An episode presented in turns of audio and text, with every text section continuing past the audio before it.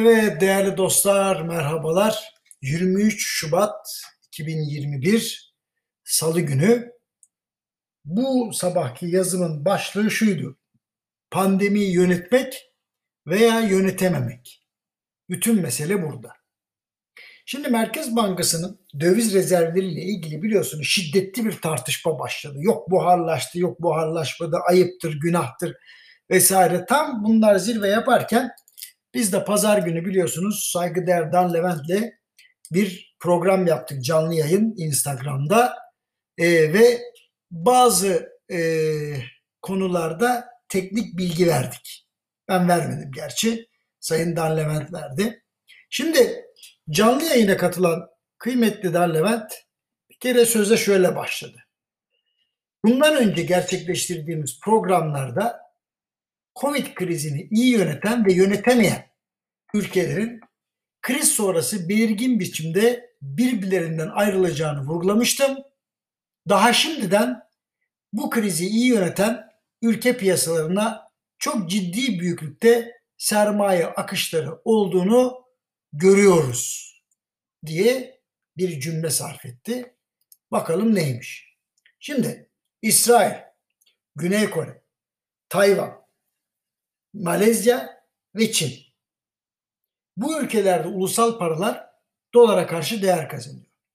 Ayrıca değerli uzman bu ülke merkez bankalarının piyasaya sürekli müdahale ederek rezerv artırdıklarında ifade ettiğinin altını çizeyim.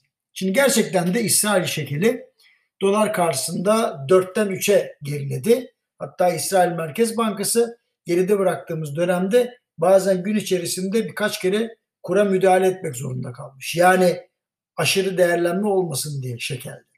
Aynı şekilde Güney Kore para birimi won dolar karşısında 1300'den 1080'e düşmüş. Fakat bütün bu paraların içerisinde yuan yabancı sermayenin en çok ilgi gösterdiği para birimi. Yani şöyle diyeyim 7.20 iken dolara karşı 6.40'a kadar gerilemiş. Yani %12 değer kazanmış kısa sürede.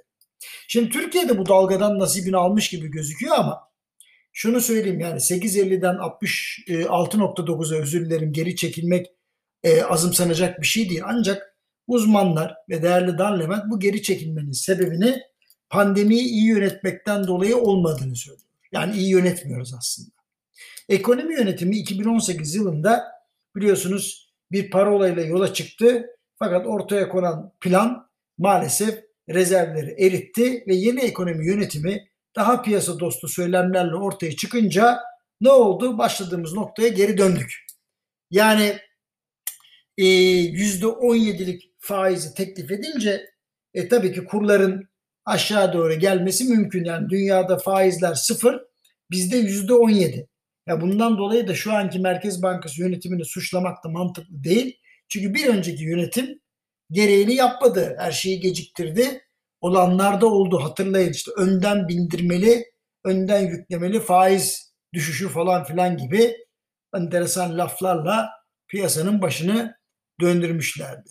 Şimdi Merkez Bankası'nın faizleri %17'ye çıkarması Dan Levent gibi kıymetli uzmanları biraz endişelendiriyor. Yani bu faizde büyüme hızı olur mu diyor. Fakat e, Merkez Bankası da alışırlar ya iş dünyası alışır bu faize. Daha önce ne faizler gördük biz. Büyümeyi de çok engellemez diyor. Bakalım hangi taraf haklı çıkacak. Şimdi Sayın Levent'in canlı yayındaki bazı görüşleri de aklımda onları da sıralayayım. Bir kere diyor ki döviz tevdiat hesaplarında kurun düşmesine rağmen çözülme değil aksine zaman zaman artış yaşanıyor. Demek ki yurt içi yatırımcılar aylık yüzde bir buçuk maliyeti de olsa TL'ye geçmekte isteksiz. Ekonomi yönetimi bu davranış biçiminin nedenlerini iyi analiz etmeli diyor. Şimdi gerek hububat fiyatlarında gerek emtia piyasalarında çok hızlı fiyat yükselişleri var. Bu yükselişler enflasyon olarak önümüzdeki dönemde yol su elektrik olarak karşımıza çıkar. Aman ha dikkat diyor. Yatırımcıları bu enflasyon tehlikesi karşısında dövizden TL'ye geçirebilmek için pandemiye iyi yönetmek lazım. Yani yapısal reformları hızlıca gerçekleştirmek ve doğru uygulamak zorundayız diyor. Bunların hepsinin altına imza atın.